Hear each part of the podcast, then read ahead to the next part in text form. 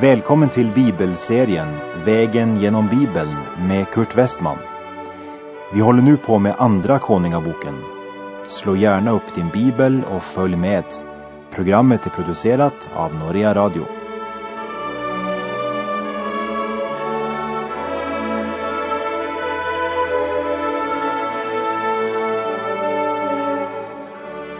Vi har nu kommit till Andra Kungabok kapitel 8. Kapitlen 8-10 handlar om Guds dom över synd och avgudsdyrkan. Förra kapitlet avslutades med att Gud mirakulöst räddade Samaria undan arameerna och undan hungersnöden.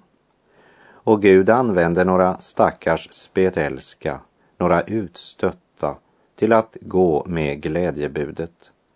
Och plötsligt flödade Samaria av mjöl och korn igen. Men Israels folk glömde snart den underbara räddning Gud gett och de återvänder till sin synd och avgudsdyrkan och pådrar sig därför ännu en hungersnöd. Vi läser i Andra Kungabok kapitel 8, vers 1 och 2. Och Elisa talade till den kvinna vars son han hade gjort levande. Han sade, stig upp och dra bort med ditt husfolk och vistas var du kan, ty Herren har befallt hungersnöden komma, och den har redan kommit in i landet och ska vara i sju år. Då steg kvinnan upp och gjorde som gudsmannen sade. Hon drog bort med sitt husfolk och vistades i Filisternas land i sju år. Denna kvinna, hon hade i lång tid sörjt för att Herrens profet hade både husrum och mat när han färdades i hennes landområden. Nu sörjde Herren för henne i nödens tid. Men vi lägger märke till att hennes räddning, den är ändå beroende av att hon gör som profeten förkunnar henne. Hennes räddning är att hon är en ordets görare. Medan Gud försöker väcka Israel genom hungersnöden, för jag tror att många yttre händelser också i vårt land och även i vårt eget liv kan vara Guds varningsrop, där han försöker väcka oss för att få oss att vända om till Herren. Vi läser verserna 3 till och med 7. Men när de sju åren hade gått kom kvinnan tillbaka från Filisternas land och hon gick iväg för att vädja till kungen om att återfå sitt hus och sin åker. Och kungen höll då på att tala med Gehasi, gudsmannens tjänare, och sade Berätta för mig alla de stora ting som Elisa har gjort. Och just som han berättade för kungen hur han hade gjort en död levande kom den kvinna vars son han hade gjort levande och anropade kungen om att återfå sitt hus och sin åker. Då sade Gehasi, min herre kung, detta är kvinnan och detta är hennes son, den som Elisa har gjort levande. Då frågade kungen kvinnan och hon berättade allt för honom. Sedan lät kungen henne få en hovman med sig och sade skaffa tillbaka allt vad som tillhör henne och dessutom all avkastning av åkern från den dag hon lämnade landet ända till nu. Eftersom profeten hade sagt att hungersnöden skulle vara i sju år så återvänder kvinnan efter sju år. Hon lever i tro. Hon inrättar sitt liv, sina handlingar och avgörelser efter budskapet från Herrens profet. Men när hon kommer hem då upptäcker hon att andra har övertagit hennes mark. Och Gud, som drar omsorg för denna kvinna, han sörjer för att just då så ber kungen om att få höra om allt vad Elisa har gjort. Och medan kungen lyssnar till detta så kommer denna kvinna och hennes son. Och efter att ha lyssnat till hennes personliga vittnesbörd då fastställer kungen hennes rätt att återfå sin egendom. Det var många så kallade tillfälligheter, men hade du frågat kvinnan hade hon svarat, det var inte tillfällighet, det är Guds omsorg.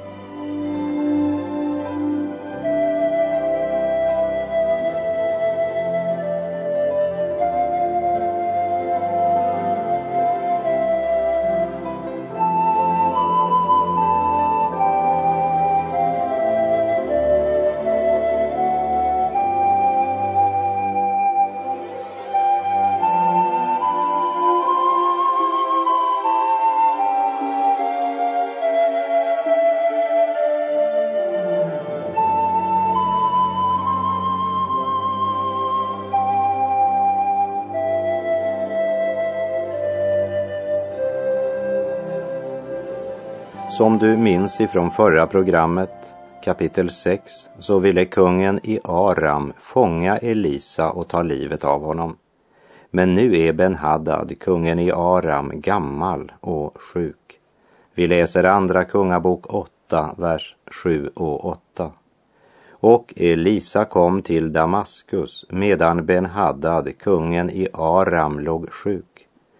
När man nu berättade för denne att gudsmannen hade kommit dit sade kungen till Hasael, ta gåvor med dig och gå gudsmannen till mötes och fråga Herren genom honom om jag ska tillfriskna från denna sjukdom.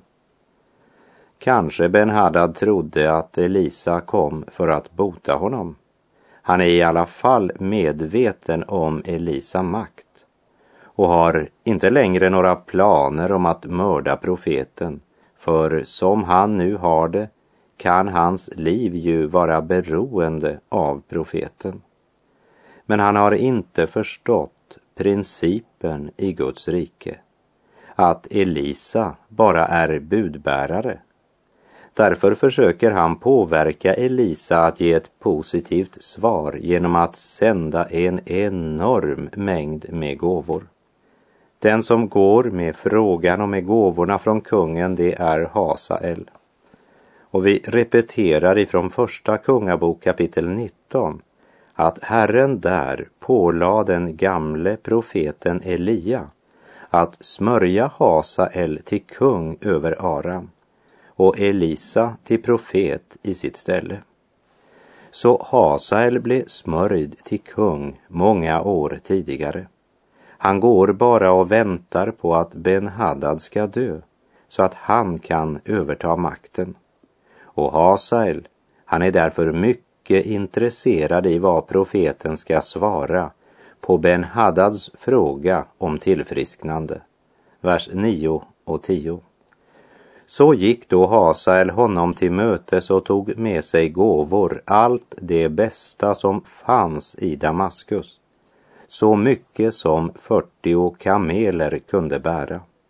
Och han kom och trädde fram för honom och sade, din son Ben-Hadad, kungen i Aram, har sänt mig till dig och låter fråga, skall jag tillfriskna från denna sjukdom?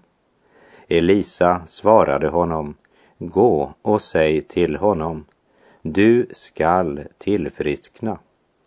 Men Herren har uppenbarat för mig att han ändå skall dö.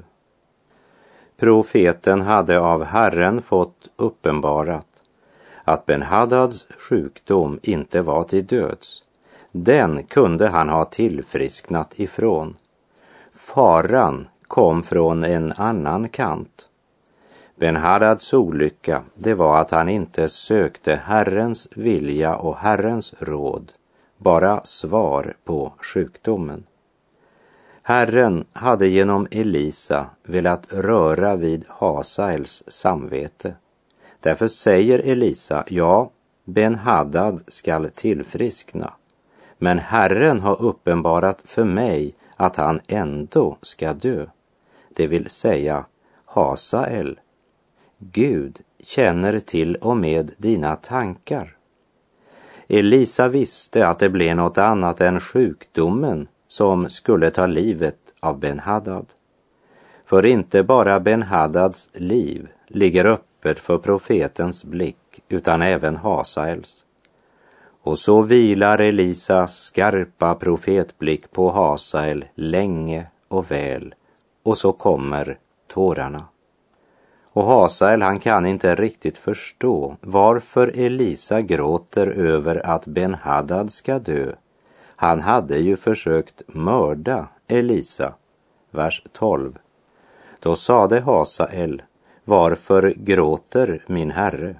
Han svarade, därför att jag vet hur mycket ont du ska göra Israels barn. Du ska sätta eld på deras fästningar. Deras unga män skall du dräpa med svärd. Deras späda barn skall du krossa och deras havande kvinnor skall du upprista. Hasael, som hört att sjukdomen inte kommer att ta livet av kungen, har bestämt sig för att påskynda hans död. Men han säger inte ett ord om att Elia för många år sedan hade smörjt honom till kung över Aram. Inte heller ett ord om sina planer. Utan han bara låtsas som om han aldrig hade tänkt på möjligheten att han skulle kunna bli kung. För Hasael vet inte att profeten av Gud har fått uppenbarat både hur Ben-Hadad ska dö och att Hasael ska bli kung. Inget av det här är någon överraskning för profeten. Vers 13.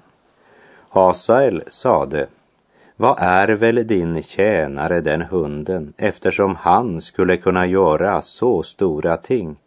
Elisa svarade, Herren har uppenbarat för mig att du ska bli kung över Aram. Hasael kunde inte ljuga för Elisa. Och när han inser att det är lönlöst att bedra profeten så går han ifrån honom och till Ben Haddad, som är betydligt lättare att bedra. Vers 14 och 15. Och han gick ifrån Elisa och kom till sin herre. Då frågade denne honom, vad sade Elisa till dig? Han svarade, han sade till mig att du skall tillfriskna. Men dagen därefter tog han täcket och doppade det i vatten och bredde ut det över hans ansikte.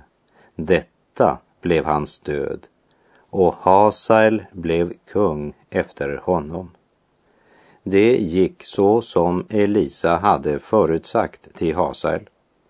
Du kommer att berätta för kungen att han ska tillfriskna från sjukdomen och då blir han glad. Men du kommer inte att låta honom tillfriskna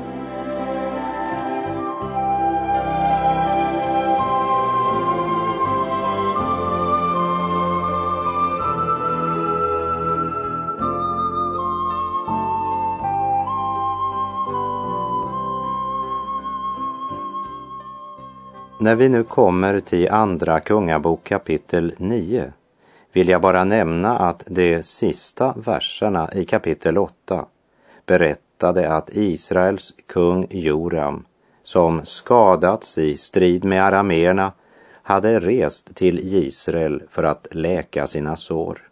Och då reser Ahasja, som är kung i Juda, ned till Israel för att besöka Joram. Och Joram en mycket sjuk man.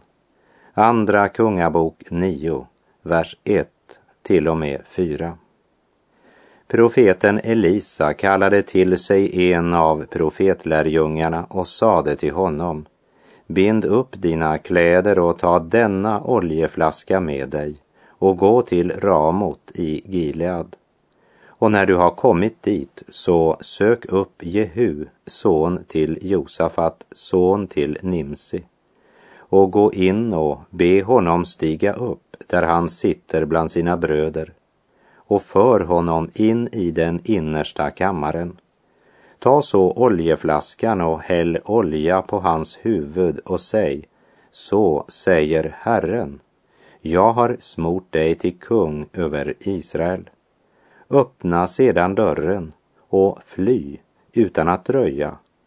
Så gick då den unge mannen, profetens tjänare, iväg till Ramot i Gilead. Den unga profetlärjungen gör det som Elisa ber honom om.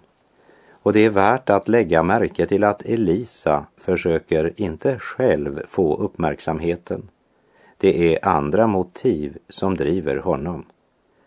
Man skulle ju tro att han hade gått själv när det gällde något så viktigt som att smörja någon till kung.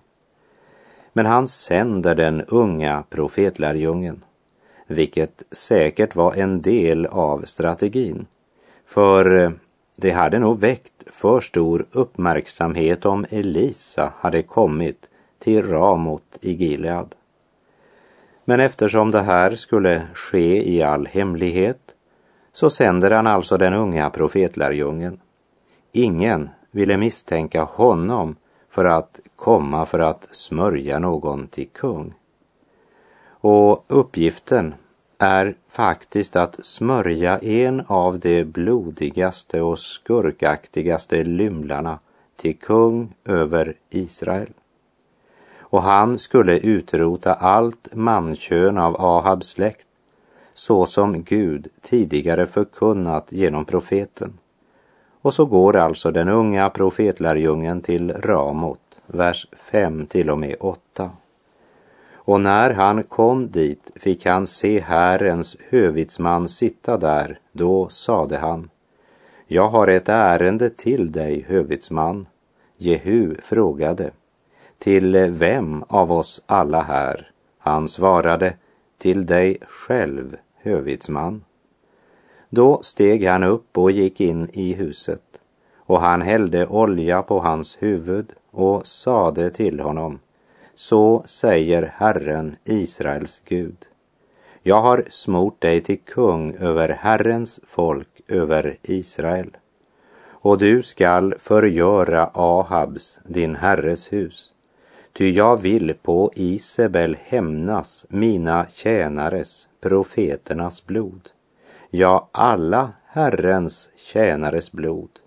Och Ahabs hela hus skall förgås jag skall utrota allt mankön av Ahabs hus, både små och stora i Israel. Tiden har kommit då Gud håller dom över Ahabs hus. Och vi kommer att lägga märke till att inte heller Isabel kan smita undan Guds dom över hennes synder och ondska. Hör fortsättningen på Guds budskap genom profetlärjungen, vers 9 till och med 13. Och jag skall göra med Ahabs hus som jag gjorde med Jerobeams, Nebats sons hus och som jag gjorde med Baesas, Ahias sons hus. Och hundarna skall äta upp Isabel på Israels åkerfält och ingen skall begrava henne. Därefter öppnade han dörren och flydde. När sedan Jehu återkom ut till sin herres tjänare frågade man honom, allt står väl rätt till? Varför kom denna vettvilling till dig? Han svarade dem, ni känner ju den mannen och hans tal. Men det sade, du vill bedra oss. Säg oss sanningen. Då sade han så och så talade han till mig och sade så säger Herren, jag har smort dig till kung över Israel. Strax tog då var och en av dem sin mantel och lade den under honom på själva trappen. Och det stötte i basun och ropade, Jehu har blivit kung. När det blev känt att Jehu var smord till kung över Israel blir de verkligen upprörda. Och förvirrade tar de av sig sina mantlar och lägger dem under Jehu. Och man stöter i basuner och man ropar ut Jehu har blivit kung.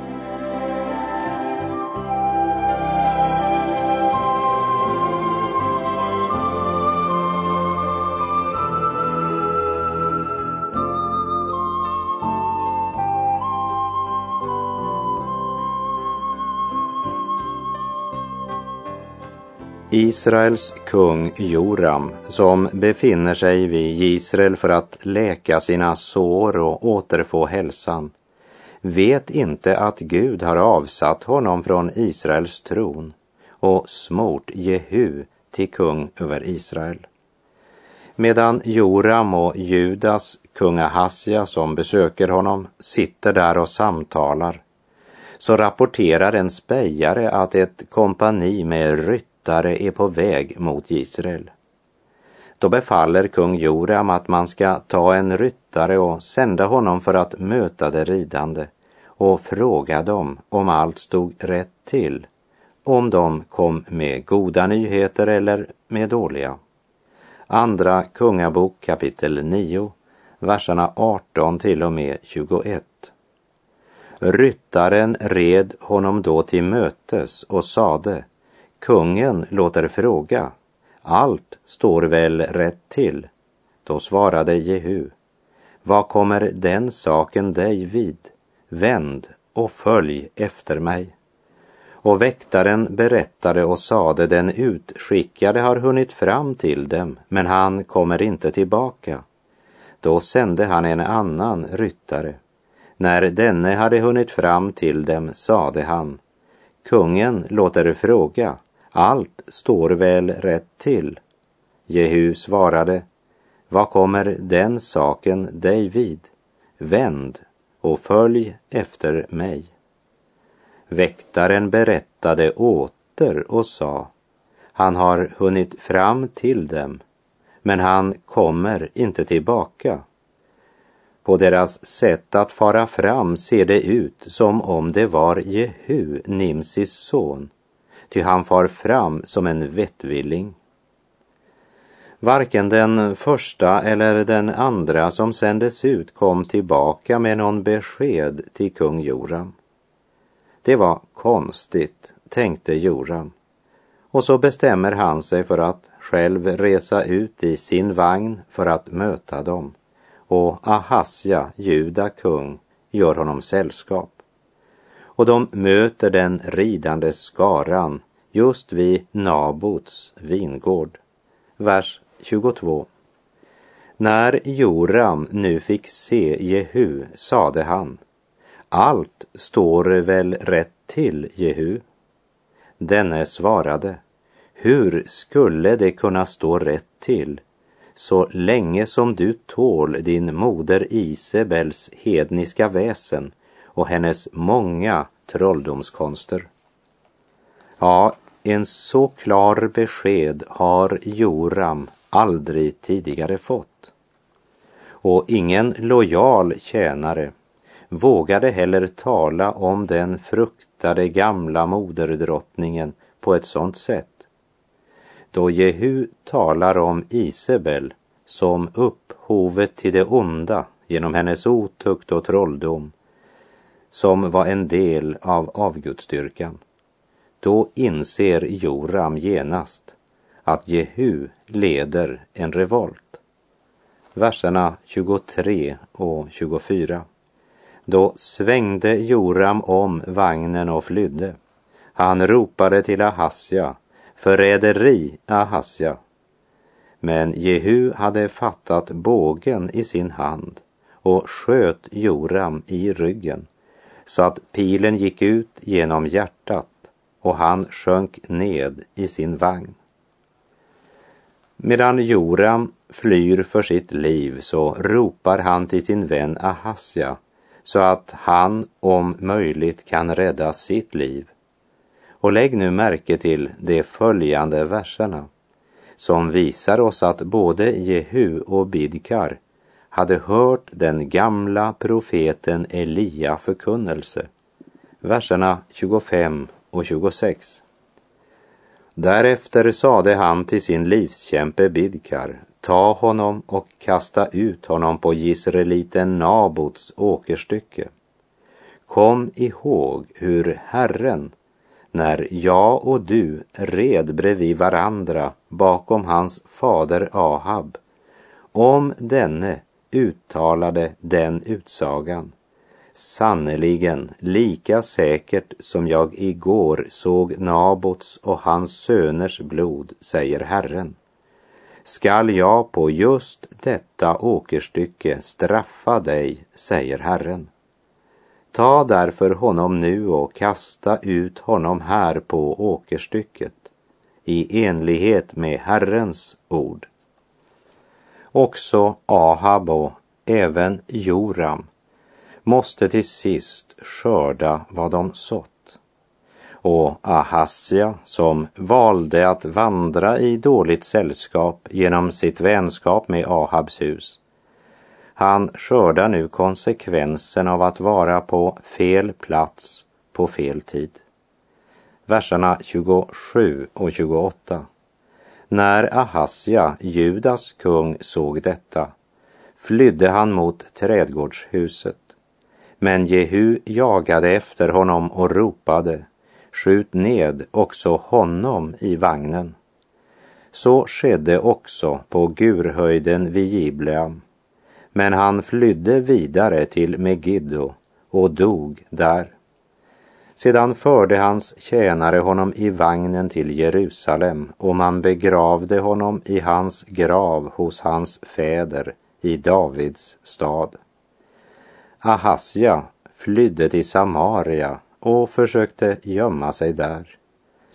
Och i Andra krönikebokens 22 kapitel och nionde vers står det sedan sökte han efter Ahasja och man grep denne där han höll sig gömd i Samaria och förde honom till Jehu och dödade honom. Men därefter begravde de honom, ty de sade, han var ändå son till Josafat, som sökte Herren av hela sitt hjärta, och av Ahasjas hus fanns sedan ingen som förmådde överta kungadömet. Egentligen var han Josafats sonson, men uttrycket son används i flera släktled. Därför kan det ibland vara lite förvirrande med namnen. För det fanns ju två med namnet Joram. Dels sonen till Ahab, kungen i Israel, men också Josafat, Juda kungs äldsta son hette Joram och dennes yngste son kallades Ahasja. Men också en av Ahabs söner bar namnet Ahasja. Allt det här gör att det ibland blir svårt att hålla isär dessa namn utan att sammanblanda. Men därför nämner Bibeln också alltid deras stamfaders namn och därför att Juda kung Ahasja var sonson till Josafat så begravde man honom värdigt, för hans farfar hade sökt Herren av hela sitt hjärta.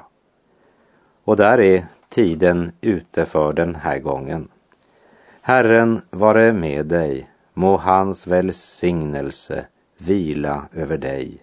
Gud är god.